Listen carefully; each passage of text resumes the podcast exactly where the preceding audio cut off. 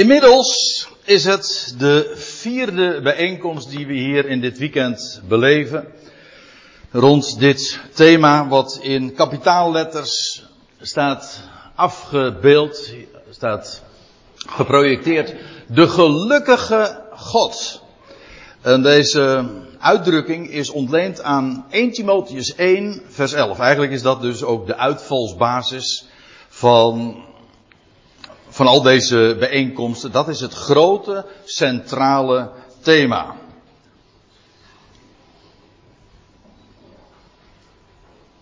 Ja, ik dacht eventjes, ik heb de verkeerde PowerPoint voor me, maar dat is dus niet zo. Uh, vandaag, uh, deze vierde bijeenkomst, gaan we ons inderdaad eens bezighouden.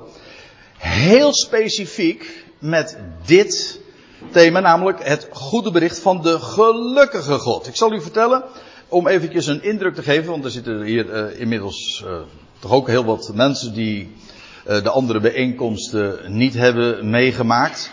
Dus dan geef ik u eventjes een indruk wat we tot dusver hebben gezien. Even een korte impressie daarvan. En dit is dus het schriftgedeelte wat eigenlijk het uitgangspunt is. Ik lees dan eventjes, en dat staat dan midden in de zin van vers 10.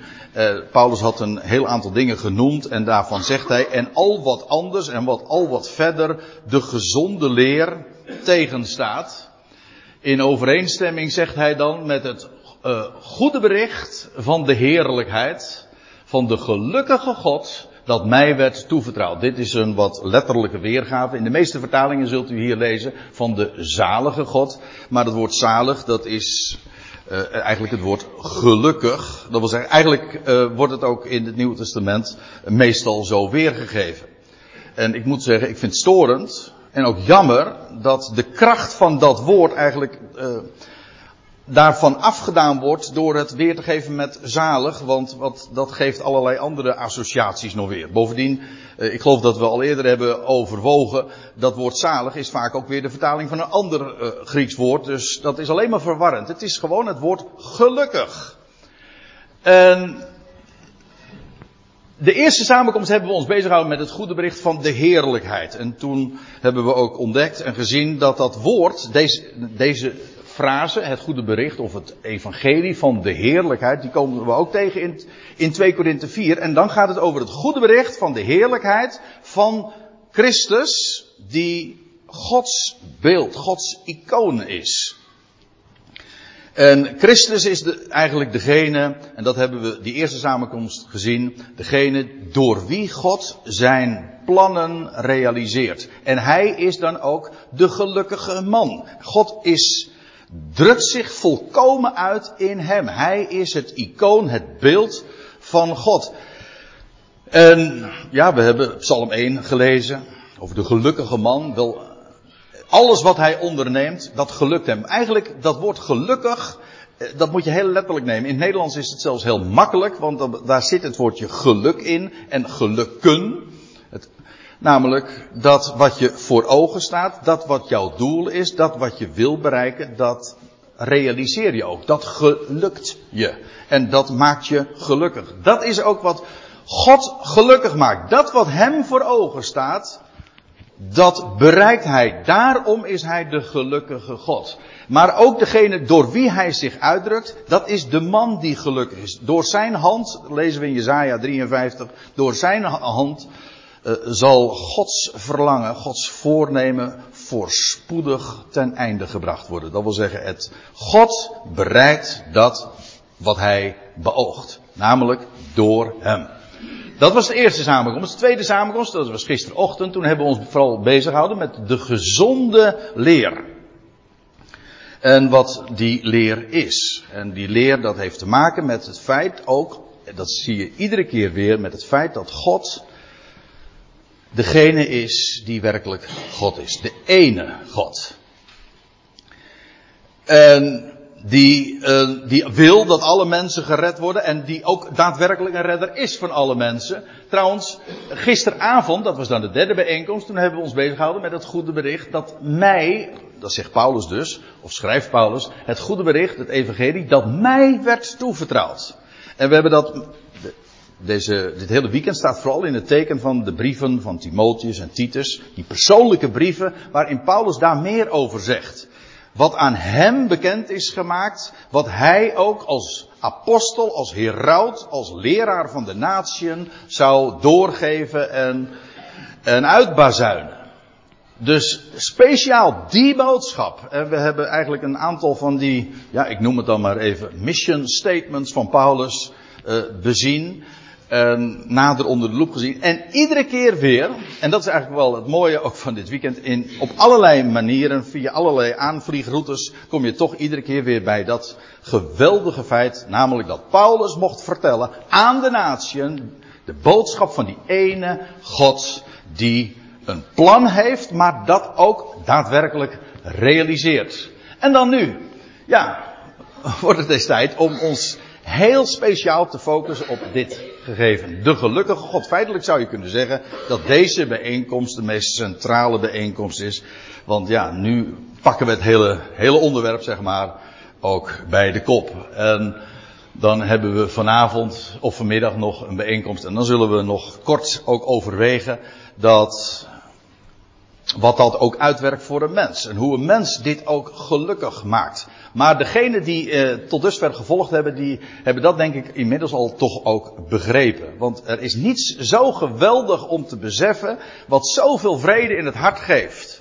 En wat zo'n goede tijding is, dan te beseffen dat er één is, die alles vast in handen heeft en die gelukkig is. God is gelukkig. De meeste mensen hebben daar denk ik uh, nooit zo bij stilgestaan. Is God gelukkig? Jazeker. Dat is juist de boodschap, het bericht dat Paulus wereldkundig mocht maken. God is gelukkig. Ja, waarom? Nou, hij is God. Feitelijk, het feit dat hij gelukkig is, onderstreept het feit dat hij God is. Waarom? Wel, er is maar één God. Er is één God en dus niets wat hij wil, niets wat hem voor ogen staat, niets wat hij plant, kan ook gedwarsboomd worden. Ja, als zouden er meerdere goden zijn, dan zou dat een probleem zijn. Maar op het moment dat je meerdere goden hebt, dan kan God nooit meer almachtig zijn. Want wat de ene God wil, dat zou de andere dan weer kunnen uh, door, uh, doorkruisen. Nee, er is één God. En dat garandeert ook dat hij werkelijk God is. En dat hij wat hij wil ook bereikt. Met andere woorden, dat hij gelukkig is. Laten we eens een, een, een aantal van dat soort schriftplaatsen zien. Dat dat inderdaad zo is. Want het is niet alleen maar dat Paulus dat beschrijft in 1, Korint, pardon, in 1 Timotheus 1. Maar als we zo in het Oude Testament ook eens wat doorbladeren, ja, Eigenlijk de grote waarheid. We hebben er gisteren nog wat, uh, wat meer op ingezoomd. De grote waarheid van de Bijbel, wat die telkens weer herhaald wordt. Er is één God. En een Jood die neemt dat dagelijks op de lippen. Het Shema. Eén God. één God. En alleen al het doordenken van die waarheid, dat maakt al zo blij. En gelukkig. In Psalm 115, daar staat dit. Onze God, is in de hemel. Dat wil zeggen, hij gaat alles te boven ook. En nou komt het, en wat vet gedrukt staat, al wat hij verlangt, dat doet hij. Al, hij doet, zegt de MBG-vertaling, u ziet dat hier in, de, in die interlineair. U moet vooral letten op die tweede regel, dat is de meest letterlijke weergave. En die derde grijze regel, dat is dan de wijze zoals de MBG-vertaling dat heeft weergegeven. Hij doet al wat hem behaagt, al wat hij verlangt, al wat hij wenst of wil doen. Ja, dat kan hij ook doen, want er, hij is de ene God. In Jesaja 46, daar lezen we over God, die daar Jesaja laat God, spreek, God sprekend in. En dan is het Jesaja die God uh, of bij monden van Jezaja, zo moet ik het dan formuleren. Bij monden van Jezaja zegt God dan, ik, die van den beginnen, of vanaf Genesis 1 om zo te zeggen, dat immers met die woorden ook begint, van in den beginnen, die van den beginnen de afloop vertel en van ouds wat nog niet geschied is. Dat is alleen God die dat kan. Een mens kan voorspellen, maar God voorzegt. En hij wist niet alleen maar hoe de dingen zo in, uh, in de nabije toekomst. Nee, de afloop is hem bekend. Hij plaatst de dingen. We hebben ook gezien, God is degene die alles een plek geeft. Hij plaatst alles, hij beschikt alles. En daarom kan hij zo ook uh, spreken. Met zekerheid zeggen, zo zal het gaan. En hij vertelt wat van ouds wat nog wat niet geschied is. Hij zegt, die zegt, mijn raad zal bestaan. Mijn plan. En ik doe al wat ik verlang. Vergis je niet.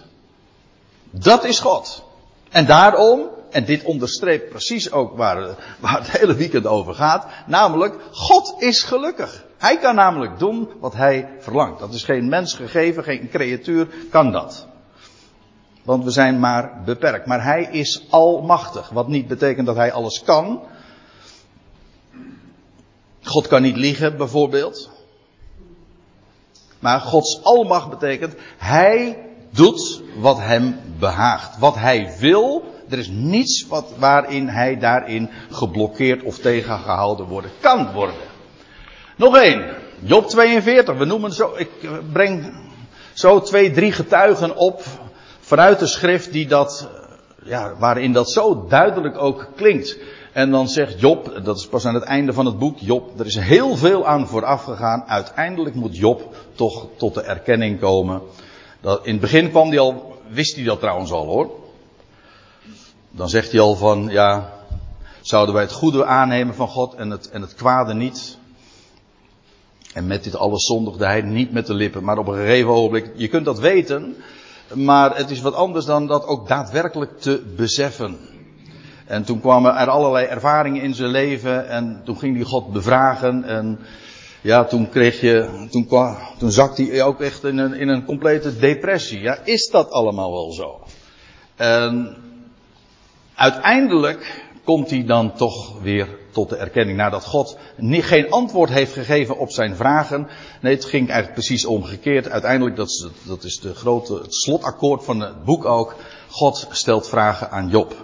Hij zegt, wie denk jij nou dat jij bent? Wat, wat weet jij nou eigenlijk? Wat kan jij? Kan jij wat ik kan? Nou, en die vragen die brengen Job helemaal tot het zwijgen. Dat zegt hij ook van ik heb één keer gesproken. Nee, ik heb twee keer gesproken. En hij zegt ik doe het niet weer. Zo was het genoeg. Met andere woorden. En dan komt hij tot de erkenning. Ik weet dat u alles vermag. En God is trouwens ook geen verantwoording schuldig. Hij gaat zijn weg. En het, wat vertrouwen is, is het geloof, het, de zekerheid of inderdaad het restloos je overgeven aan, het, aan, de, aan, aan de God die weet wat hij doet. En het feit dat wij dat allemaal niet over. Wat overzien uh, uh, wij als mensen? Eigenlijk zo goed als niks. We weten nog niet eens uh, hoe we deze dag gaan doorbrengen. We hebben onze plannen, maar dat, dat weet, er kan zomaar dit gebeuren en dat wordt compleet doorkruist. Er is er één die alle dingen kent. Van verre. En vanaf den beginnen. Nou dat. Ik weet u alles vermag. En dat niets van uw plan wordt verijdeld. Hoe duidelijk wil je het hebben? Bij God, ik, ik blijf het zeggen en ik zeg het zo graag, bij God gaat er nooit iets mis. Dat kan niet. Waarom? Er is één God.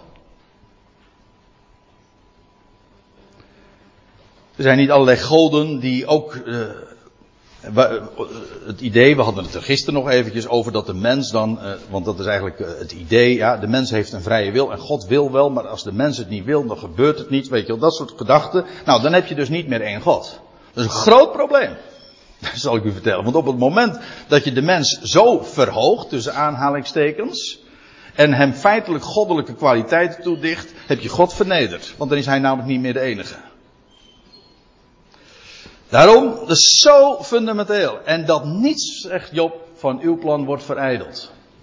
Maar nu, en wij uh, hebben dit, uh, deze samenkomst een, een grote vraag te beantwoorden. En eigenlijk is dat tot dusver nauwelijks aan de orde gekomen. Nou ja, er zijn een paar aanzetten gegeven. Maar uh, dit thema roept één grote vraag op. Misschien wel meerdere, maar één vraag die eigenlijk toch als een rode draad wellicht uh, door onze gedachten heen loopt. Ik kan me zo voorstellen dat de meesten van u, die dit nou tot dusver hebben gevolgd, uh, ook dat wel eens zo als tegenwerping zo stilzwijgend, of misschien wel in de gesprekken, naar voren heeft gebracht. Namelijk, hoe, hoe kan God gelukkig zijn? Laat ik de vragen eens op een rijtje zetten. Zo, die zo voor de hand liggen. Hoe kan God. Het is met opzet dat ik die letters. Ik, ik kan eigenlijk ook niet meer anders om die letters met allemaal hoofdletters te zetten. God. Ik heb het dus niet over een godje. Nee, hoe kan God de gelukkige God zijn bij al het lijden dat er in de schepping is. Hoe kan dat? God is gelukkig, ja maar uh, het is toch Gods schepping, het zijn schepping. En dan deze vraag, doet het lijden hem dan niet? Dat is eigenlijk de vraag dan. Hij kent elk creatuur, elk schepsel, elk mensenkind. En, en al het leed. En van God lezen we ook dat hij een God is van, uh, in 2 Korinthe 1, letterlijk staat er dat God de God is van al het medelijden. En als je daarover doordenkt, begrijp je dat ook. Hij is de schepper van alles wat hij bedacht heeft. Het is zijn schepsing, sche zijn schepping, zijn schepselen. En dat, dat, daar houdt hij van. Ja, waarom? Het is zijn schepping. Hij heeft het gemaakt en bedacht. En hij, daarom, als het schepsel leidt, dat is een geweldige gedachte. Dat is niet zozeer het onderwerp van dit weekend. Daar zou je weer een heel ander weekend aan moeten wijden.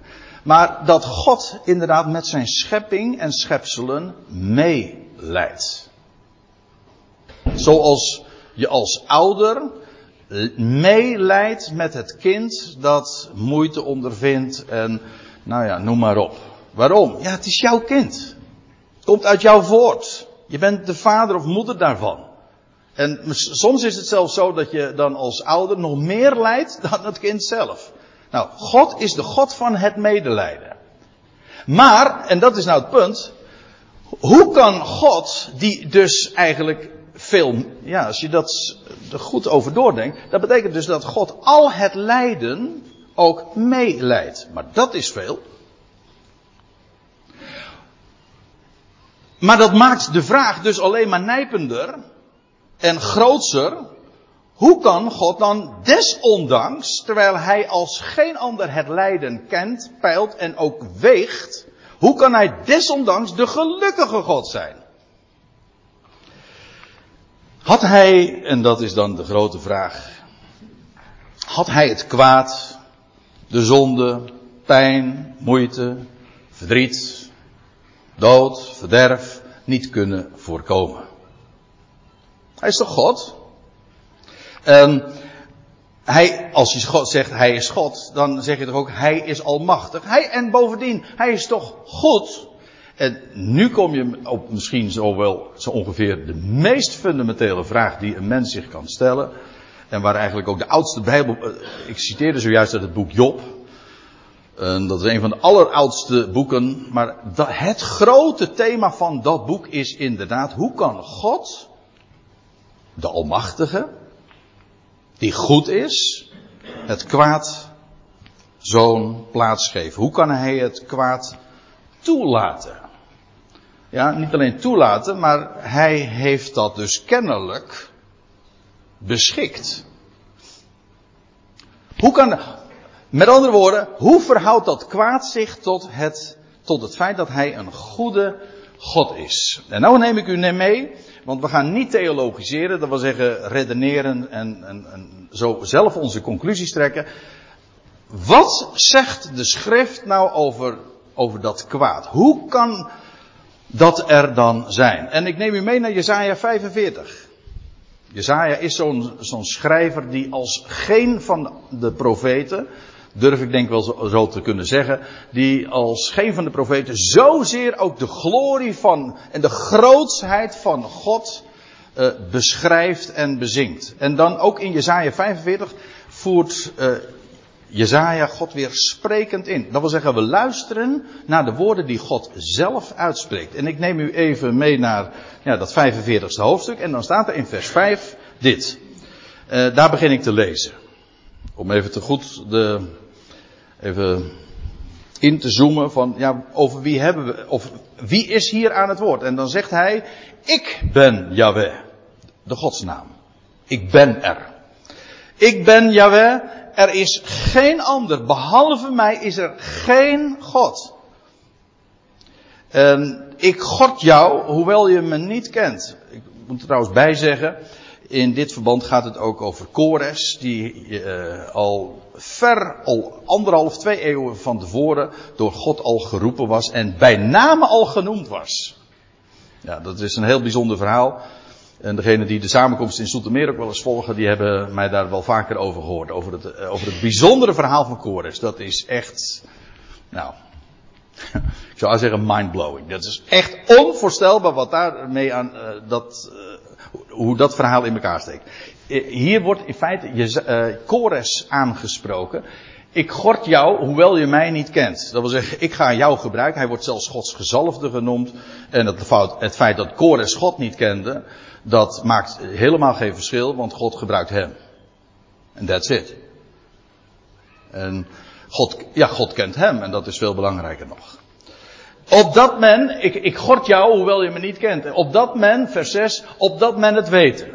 Waar de zon opgaat in het oosten en waar zij ondergaat in het westen. Dat er buiten mij niemand is. Ik ben Yahweh, niemand meer. Eén God. Zie je weer? Je kunt het op allerlei manieren zeggen. Maar Jezaja laat dat zo duidelijk ook zo uh, ja, doorklinken. Nee, ik moet het eigenlijk anders zeggen. Jezaja tekent gewoon op wat God zelf zegt. En dan vers 7. Moet je opletten hoe God zichzelf daarin voorstelt en wat hij doet en wie hij is. Hij zegt de formeerder van het licht. Waar komt het licht vandaan? Nou, God zegt, ik formeer dat. Maar ook de schepper van de duisternis. Wie maakt het duister? Ja, wij zingen dan, en dat is ook zo, God enkel licht.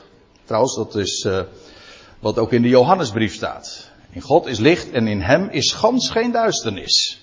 Nee, maar hij is wel de schepper van duisternis. Dan, daar hoeft hij trouwens niks voor te doen in principe. Je neemt alleen maar het licht weg. Duisternis is niet iets, het is juist het ontbreken van iets. Namelijk, er is geen licht. Net zo goed als uh, dood is ook niks. Het is gewoon die toestand waar het leven aan ontrokken is. De afwezigheid van leven. Duisternis is de afwezigheid van licht. Dat kun je trouwens van kwaad ook zeggen. Kwaad is de afwezigheid van het goede. Maar let op. Hij is de formeerder van het licht. De schepper van de duisternis. Die vrede maakt. Maar, en nu komt het. De vraag is, Waar komt het kwaad vandaan? Uiteindelijk, uh, ja, als je, kijk, als je zegt, God is de schepper van alle dingen, en daar gaat niets buiten hem om. Hij is de oor, ik ben het begin en het einde. Hij is de oorsprong voor alles. Ja, waar komt het kwaad dan vandaan? En dan zeggen mensen, nou, daar moet je heel voorzichtig mee zijn. Ben ik heel mee eens. Want wat kan een mens redeneren? Maar luister nou eens naar wat God zelf zegt. En ik geneer me niet om gewoon hem na te spreken. Integendeel, ik vind dat iemand zich zou moeten generen dat als hij Gods eigen verklaring tegenspreekt. Ik weet, wat ik nu ga lezen is zwaar omstreden en mensen zijn meteen klaar om te zeggen, ja, Luister nou gewoon naar wat God zelf zegt. Hij zegt, ik maak, ik ben de schepper van de duisternis, ik maak vrede, maar ik schep ook het kwaad. Ik schep kwaad. Ik, Jaweh, als mocht het ons ontgaan zijn, zegt hij, doe al deze dingen. Licht, duisternis, vrede, kwaad. Er is er één die dat alles beschikt. En dat betekent, want sommige mensen denken, ah, maar God is toch goed? Hoe kan hij dan kwaad scheppen? Maar juist dat zou uh, ons uh, enorm blij, of zal ik even in de sfeer van het weekend zeggen, dat zou ons juist gelukkig maken, want dat betekent dat het kwaad in goede handen is. En God is inderdaad goed. Hoe vaak, nou, ik doe geen eens moeite om dat in de, om dat eh, te, staven en vanuit de schrift te laten zien. God is goed. Ja, maar, en nou komt, uh, nou komt er een hele belangrijke waarheid om dit te doorzien en te begrijpen. Het punt is, God is goed, maar weet u, een mens leert slechts door contrast. Wij kunnen het goede niet kennen zonder dat kwaad. En uh, het geestige hiervan is dat dit al de eerste keer dat het woord kwaad in de Bijbel genoemd wordt, dan wordt er meteen ook al eigenlijk een verklaring gegeven. Zo zit het in elkaar. Wil een mens kennis van goed krijgen, dan kan dat niet los van het kwaad. Het is, het is niet los. Kennis van goed is niet los verkrijgbaar. Slechts door het contrast leren we het kennen. En we weten daar allemaal ongetwijfeld voorbeelden van te bedenken. En iedereen weet ook, en het, is het voorbeeld wat mij het eerst ook in te binnen schiet als ik, als, als ik er een voorbeeld voor moet geven, maar je kunt er vele bedenken. Een mens leert pas gezondheid werkelijk kennen in contrast met, in aanraking met, of dat je het zelf treft, of dat het in je nabije omgeving uh, aan uh, toeslaat door ziekte. Pas dan ga je beseffen wat goed is. Of in dit geval uh, gezondheid. Van de week, ik luisterde naar, nee, ik, dat was op een programma laat in de avond van Jeroen Pauw en daar was de actrice die onlangs te horen gehad, uh, heeft gekregen dat ze nog maar kort te leven heeft. Een ernstige ziekte heeft gekregen. Sjoukje Hoijmeijer. Hooimaker, ik weet niet. Nou ja, die had te horen gekregen uh, dat ze ernstig ziek is. Dat er eigenlijk ook niets meer aan te doen is. Ze zei, dat, dat vond ik heel frappant. Vanaf het moment dat ik dit hoorde, leef ik. Dat wil zeggen, nu elke, elk, ze is zich zo bewust van, juist in het aangezicht van de dood besef je ineens, ik leef. En, en dat alle details die altijd uh, uh, daarvoor ja, normaal gewoon waren en dus ook niet doordringen, ineens uh, ook de dingen die er nog gezegd moeten worden, die gedaan moeten worden, die je beleeft, die waar je altijd achterloos aan voorbij bent gegaan, ineens denk je, wauw. En dat is eigenaardig, hè? Door contrast leren we dingen kennen. Het goede leren we kennen, maar dat is, ja, dat, dat begint al in, in, in Genesis. En trouwens, hoe leerde voor het eerst toen Adam en het eerste mensenpaar, toen ze hadden gegeten van de verboden vrucht, pas toen ontdekten ze dat God goed is. God zocht hen op en hij zei van Adam, waar ben je? En, en toen ineens ontdekten ze, hé, hey, God houdt van ons, ondanks. En dan pas word je je bewust van hoe goed God is. Daarvoor was hij de schepper en was eigenlijk alles vanzelfsprekend. Ze, ze hadden het goed, maar ze kenden het goed niet. Dat leer je juist kennen door dat contrast. En dat geldt ook voor de waarheid dat God liefde is. Wat feitelijk in het verlengde daarvan is. God is goed. Ja, God is liefde. Het is zijn wezen. 1 Johannes 4 staat dat. Vers 8, vers 16. Makkelijk onthouden. 4, 8, 16. Hij is. God is liefde. Het wezen. Het is maar niet alleen een kenmerk van zijn handelen, het is zijn wezen. Dat wil zeggen, alles wat hij doet, alles wat hij maakt, is doortrokken van liefde. Vandaar ook dus uh, dat Bijbelwoord, en ik citeer het vaak, Want uh, dit is dan weliswaar misschien geen officiële kerkdienst en zo, wat je er allemaal tegen in kan werpen. Maar laat, er gaat weinig samenkomsten voorbij of dat ik niet die woorden laat klinken die elke, waarin alle protestantse diensten ongeveer in Nederland mee aanvangen. Namelijk, onze hulp is in de naam van de Heere die hemel en aarde gemaakt heeft, die trouw houdt en die nooit laat varen het werk van zijn handen. Kijk, dat is Gods liefde. En dat is ook Gods goed, goedheid. Dat wat hij gemaakt heeft, dat wat hij werkt, ja, dat kan hij niet laten varen. Hij is namelijk liefde, hij heeft het zelf gemaakt. Dat is ook de verklaring waarom hij lief heeft. Het is werk van zijn handen. God is liefde. Maar dan, dan moet je goed realiseren. Liefde laat zich slechts kennen. En dit klinkt haast als filosofie. Nou, het is ook filosofie trouwens de liefde voor wijsheid. Maar niet gewoon uh, zomaar voor de vuist weg filosoferend. Liefde laat zich slechts kennen, juist in het contrast, maar ook uh, door aanraking, door confrontatie met tegenslag, vervreemding en verdriet. ik, ik noem dit hier even een love story, maar pak een boek, een liefdesroman, of, eh, nou ja, ik heb hier een paar plaatjes van bekende, van hele bekende films. De Titanic of The Notebook of, nou ja, noem maar op. En die, die verhalen zouden niet alleen maar eindeloos saai zijn. En hadden, hadden geen love, überhaupt geen love stories geweest. Als er geen tegenslag, als er geen moeite was geweest. Dan komt die liefde namelijk nooit uit de verf. Zoals, ja, er zijn zoveel eh, wijzen waarop zich dat laat illustreren. Zoals een juwelier een, een, een, een diamant uh, ja, laat schitteren. Dan moet hij, heeft hij een donkere achtergrond nodig. Waarom? Vanwege dat contrast. Om, om dat werkelijk te zien. En God eh, creëert duisternis juist om het licht ook te zien. En Gods liefde wordt alleen maar zichtbaar. Laat, laat ik een aantal eigenschappen noemen. Gods genade. Stel je voor dat het niet mis was gegaan in de Hof van Eden, zoals men dat dan zegt. Er is niks misgegaan. Want God wist echt wel wat hij. God weet wat maaksel wij zijn. De mens at van de verboden vrucht, verboden vrucht, maar God wist dat.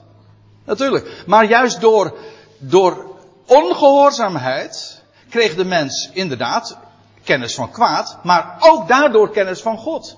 En leerde hij Gods goede tierenheid kennen, Gods barmhartigheid. Het feit dat God zich ontfermt, dat God vergeeft. Al die eigenschappen, die komen slechts tot uitdrukking door het kwade, door het lijden, door, nou ja, noem maar op, welke vorm zich dat ook aandient. Er bestaat niet zoiets als een love story of een liefdesverhaal zonder dat.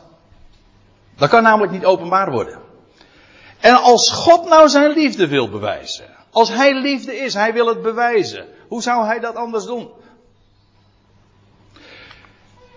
Ik heb een, uh, een mooie schriftplaats in Romeinen 5, waarin, waar, waar Paulus dat ook zo naar voren brengt.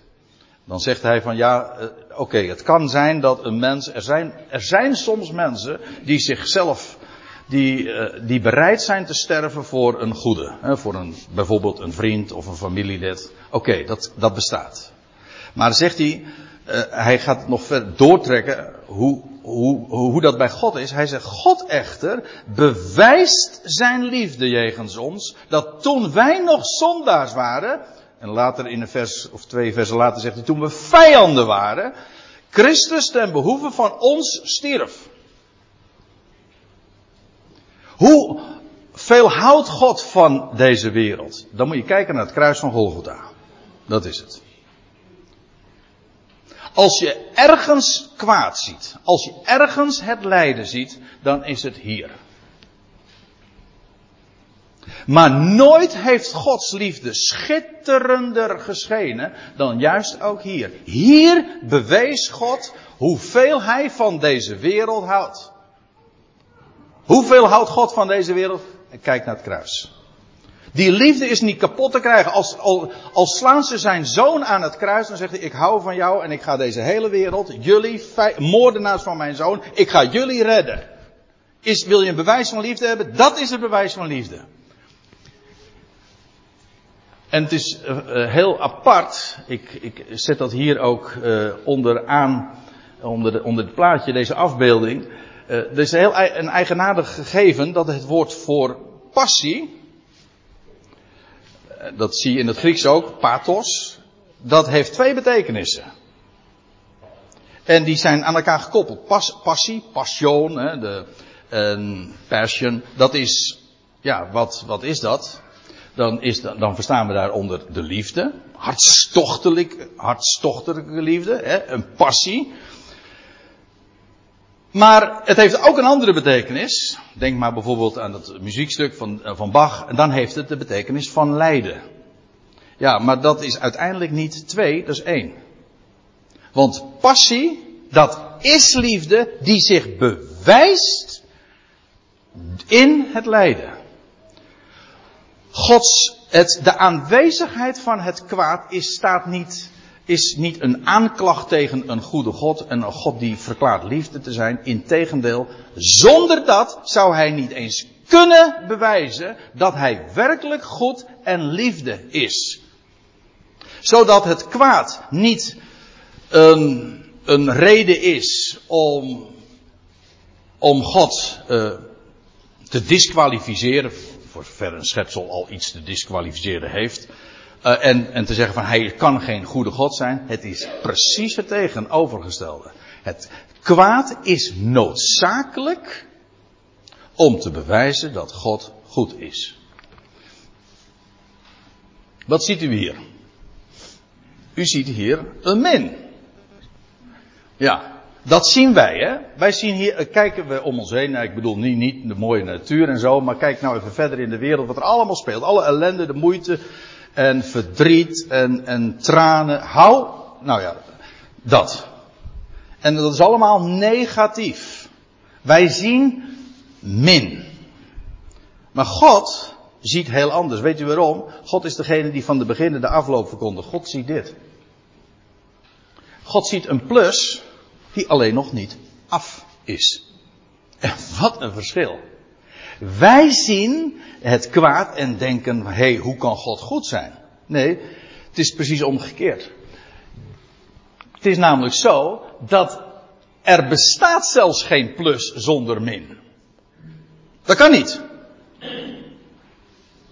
En Gods goedheid bewijst zich juist in het kwaad. Dat is noodzakelijk. En dit is zo geweldig. Dit is ook buitengewoon belangrijk om werkelijk te geloven en erop te vertrouwen. En dat het ook waar en zelfs logisch is dat God goed is. Hij is goed en hij is de gelukkige God. En dat betekent dat kwaad is er en hij leidt daarin zelf mee. Vergeet dat niet. En toch is God gelukkig. Waarom? Hij weet, het komt goed. Het, dit is noodzakelijk, hier moeten wij doorheen. Maar dit is allemaal in overeenstemming met zijn plan. En dat betekent dus dat de goede God het kwaad ook een plaats heeft gegeven in zijn plan. Die min geeft hij die plek. God wij belasteren God niet door te zeggen dat Hij de schepper van het kwaad is. We geven Hem de eer dat Hij werkelijk God is en het kwaad is in Zijn hand en Hij beschikt het. Hij geeft het een plaats. Waarom? Wel om te bewijzen dat Hij een goede God is. En juist door die weg bereikt Hij zijn doel. Ik neem, ik neem u nog naar een andere schriftplaats mee. En dat is naar Lucas 15. Dat is een. Uh, ja, waarom? Nou, vooral om daarmee ook te laten zien dat God gelukkig is en hoe hij door alles heen zijn doel bereikt. Want je kunt natuurlijk zeggen, deze schepping is verloren. En waaruit blijkt dat? Ja, nou ja, het feit dat we van de schepper vervreemd zijn. En in de zonde ons doel hebben gemist. Ja. Maar wat is de, de Bijbelse boodschap? God zoekt het verlorene. En ik lees nu eventjes Lucas 15. Dat zijn, um, een, een, daar, daar vinden we een drietal gelijkenissen. Die allemaal gaan over het verlorene dat gezocht wordt, maar ook weer gevonden wordt. Dat laatste is uiteraard erg belangrijk en da daarom vermeld ik het ook. Want God is een gelukkig God.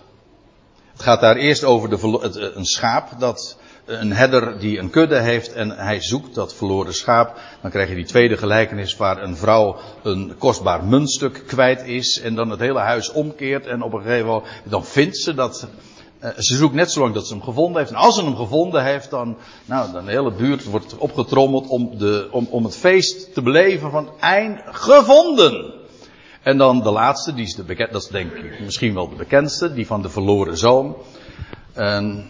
Ik, uh, ik heb laatst nog een, uh, mag ik het zeggen? Ja, nou ja, ik, ik zeg het gewoon, waarom niet? Ik heb nog een aanvaring is een groot woord geweest, is een tamelijk groot woord, een aanvaring gehad met een, een bekende predikant in ons land. En die had een stuk geschreven over, over Lucas 15, waarvan hij ook zei van ja, dat is voor mij erg, dat ligt mij erg aan het hart. En toen zei hij ook van ja, wat is verloren? Ik heb er laatst nog een, een, blogje ook aan gewijd. Want het ligt mij ook nogal aan het hart namelijk. en hij, uh, hij zei ja, wat betekent dat, dat, dat, dat verloren, dat betekent dat je de schepper kwijt bent. Dat je God kwijt bent. Dat, dan, zou, dan zou je zeggen, nou, daar, zit wat in. Als een mens uh, als, als een mens zijn God kwijt is, ja, dan ben jij, uh, dan, dan, dan ben je verloren. Maar dat is niet de essentie. Het is zelfs heel belangrijk. Het gaat er in deze gelijkenissen niet om dat dat, die scha dat, dat schaapje zijn herder kwijt was. Je kunt verdedigen, maar daar gaat het niet om. Het is niet de verloren herder. Het is de het verloren schaapje. Die, die herder, die, was, die had een, nou, die had een heleboel schaapjes, maar die was iets kwijt. En het was dus zijn belang, zijn eer om dat schaapje te zoeken. Waarom? Het was zijn schaapje. Dus hij zocht het. Het was zijn belang en, eh, en hij zocht het net zo lang. Nou, laat ik het gewoon lezen. En hij, dan gaat het over die herder. Uh, wat hij verloren heeft, dat, dat zoekt hij dan. Het is een beetje midden in de zin geciteerd. Hij zoekt dat. Dat bewijst dat God goed is. Hij zoekt het verlorene. Diezelfde predikant had dat trouwens al veel eerder een keertje geschreven. Toen heb ik hem daar ook over nog gecorrespondeerd. En toen zei hij, ja, wat het geweldige van het evangelie is dat we een God hebben die het verlorene zoekt. En daar ben ik het niet mee eens. Begrijp me goed, ik vind het geweldig dat we God hebben die zoekt. Maar dat is niet het evangelie. Want daar heb je namelijk nog niks aan. Nee, ik bedoel, als dat punt is, ik, die herder was niet tevreden met het feit dat hij zocht. Nee, hij zocht om te vinden. En zonder dat laatste, ja, was er helemaal geen, vrede, geen, geen vreugde. Je leest ook, hij zoekt net zo lang totdat hij het vindt. En dan lees je ook, en als hij het vindt, plaatst hij het op zijn schouders en hij verheugt zich. En dan lees je ook inderdaad dat hij dat, uh, nou ja, de, ook uh, andere mensen in die vreugde laat delen. Maar het gaat me nu even om het punt. Die herder is een gelukkige herder. Ja, maar hij was toch zijn schaapje kwijt. Was dat allemaal? Ja, maar juist.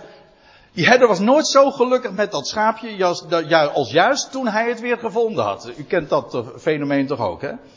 Dat als je juist door uh, de moeite heen gaan dingen een, een waarde krijgen die het voorheen nooit hebben gehad. En dat bewijst trouwens ook precies dat een mens alleen leert door contrast. Kennis van goed, ik herhaal, is niet los verkrijgbaar. Slechts door kwaad leren we het kennen. Deze herder, hij is een gelukkige herder. Waarom? Hij zoekt, jazeker, hij zoekt en hij vindt. Dat is namelijk zijn eer en bovendien, dat is ook helemaal niet de prestatie van dat schaapje. Die is verloren, die zit daar verloren te wezen of zo. En nou, wachten is op, uh, op God die dan ingrijpt. Of, nou, u begrijpt, ik haal nu de twee dingen door elkaar. De beeldspraak van het schaapje en dat waar het op betrekking heeft. Namelijk, ja, een mens. We zijn verloren. Is dat erg voor ons? Ja, maar daar gaat het niet om. Het is trouwens in datzelfde hoofdstuk is een mooi voorbeeld van dat het juist niet de essentie is. Want ik, wanneer was dat, om even nog een andere geschiedenis daarbij te betrekken. Wanneer was die zoon in de derde gelijkenis nou verloren? Toen hij bij de varkens neerzat? Ja, toen, was hij, toen voelde hij zich verloren. Ja, dat is waar. Maar hij, de vader was zijn zoon al kwijt toen hij daar nog aan het feest, aan het feest vieren was. Dus het idee is niet, het is zo erg voor het verloren om verloren te zijn. Dat is niet het punt. De eigenaar, en u, u ziet toch welke richting ik nu wijs. De eigenaar is zijn schepselen kwijt. Is zijn eigendom kwijt. Dat is wat de tragiek van het verloren is. Het is zijn tragiek. Als ik het zo mag zeggen. En het is ook zijn belang, zijn eer om dat te verlorene te zoeken. En hij vindt het. Ja, waarom vindt hij het? Hij is God.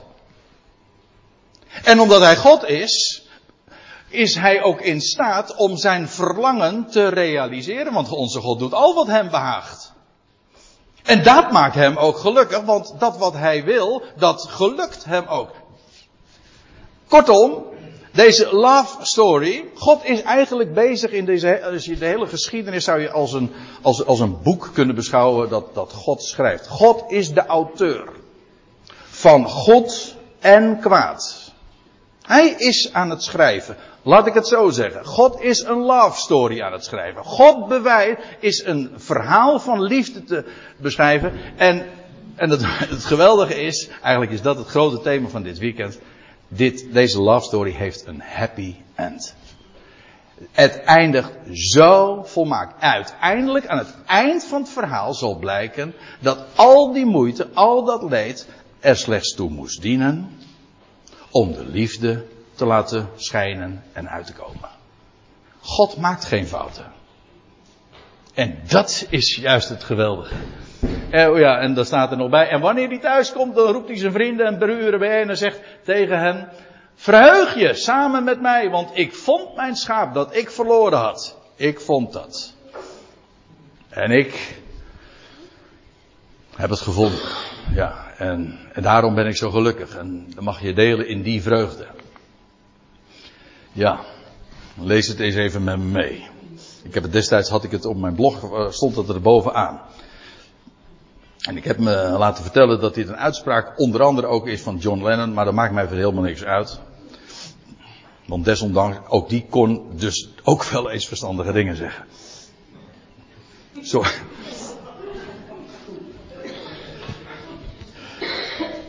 Als het zo dus is. Maar het maakt me helemaal niet uit wie degene is die het bedacht heeft. Trouwens, ik kan me zo voorstellen dat wel weer meer mensen het zo gezegd hebben. Maar feitelijk is dit wat de schrift zegt.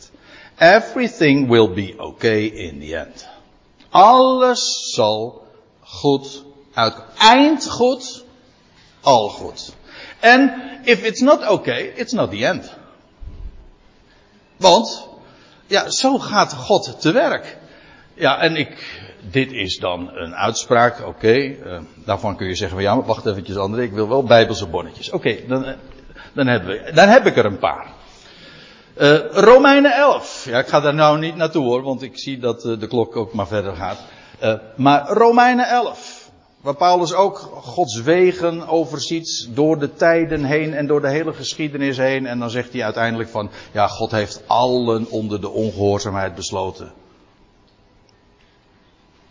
Niemand ontkent ja, nee, niemand ontkent dat. Ja. Alle mensen zijn zondaren, sterveling, om zich over allen te ontfermen. En dan, dan valt hij op zijn knieën en dan zegt hij, en uiteindelijk eindigt hij, want uit hem, door hem en tot hem zijn alle dingen. Ja, wie? Uh, wie is de schepper? Hij. Hier, 1 Korinthe 15. Uh, zoals in Adam allen sterven, zo zullen in Christus allen worden levend gemaakt. En dan, en dan, dan wordt er ook beschreven dat Christus de eersteling is. 2000 jaar geleden. De... Sorry. Toen, we, toen rolde de steen weg. En daar werd de garantie afgeleverd. Het leven gaat overwinnen. Toen werd de dood overwonnen, maar nog niet er niet gedaan. Pas door de Ionen, door de wereldtijdperken heen. Hij moet heersen, staat er ook, totdat hij alle vijanden onderworpen zal hebben. En de laatste vijand, dat is de dood. En dan doet hij de dood teniet. En weet u wat hij dan doet? We hebben het er gisteren ook nog overwogen. Hoe doet hij de dood teniet? Ja, logisch gezien heel simpel. Namelijk gewoon door alle mensen levend te maken. Dan is er geen dood meer levend te maken zoals de eersteling Christus is levend gemaakt. Ja, en dan, zal, dan, gaan alle, dan gaan alle mensen, alle schepselen in de hemel, op de aarde, onder de aarde, allemaal op hun knieën. Geen ontkomen aan. En elke tong zal beleiden, Hij is Heer, tot eer van God, de Vader. Want God is een Vader voor heel zijn schepping. En tot die erkenning zal elk mens komen. En dan het laatste schriftgedeelte, dat is waar ik dan dus mee eindig. Dat is ook een lofzang. En dat is in datzelfde 1 Timotheus 1 waar ik mee begon. En daar, zegt Paulus dit. De koning van de Ionen nu. De koning der eeuwen. De wereldtijdperken. Niet de eeuwigheid hoor. De koning van de wereldtijdperken, om zo te zeggen. De koning van de Ionen. Hij die de Ionen beheerst. Beschikt. Plaatst alles op zijn tijd naar zijn plan. De onvergankelijke. De onzienlijke. De enige God. Hier staat trouwens in het Grieks. U ziet het hier. Monotheo. Ons woord monotheïsme komt hier vanaf. Is hier vanaf geleid. Of in ieder geval hetzelfde woord.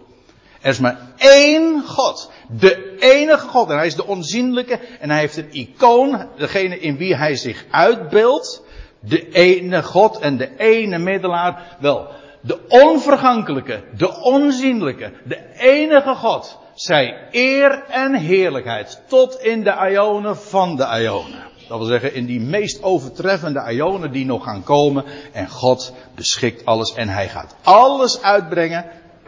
En brengen en voeren naar zichzelf. Uit hem, door hem, tot hem is alles. Hem zij daarvoor de heerlijkheid. En wij zeggen daarop. Amen.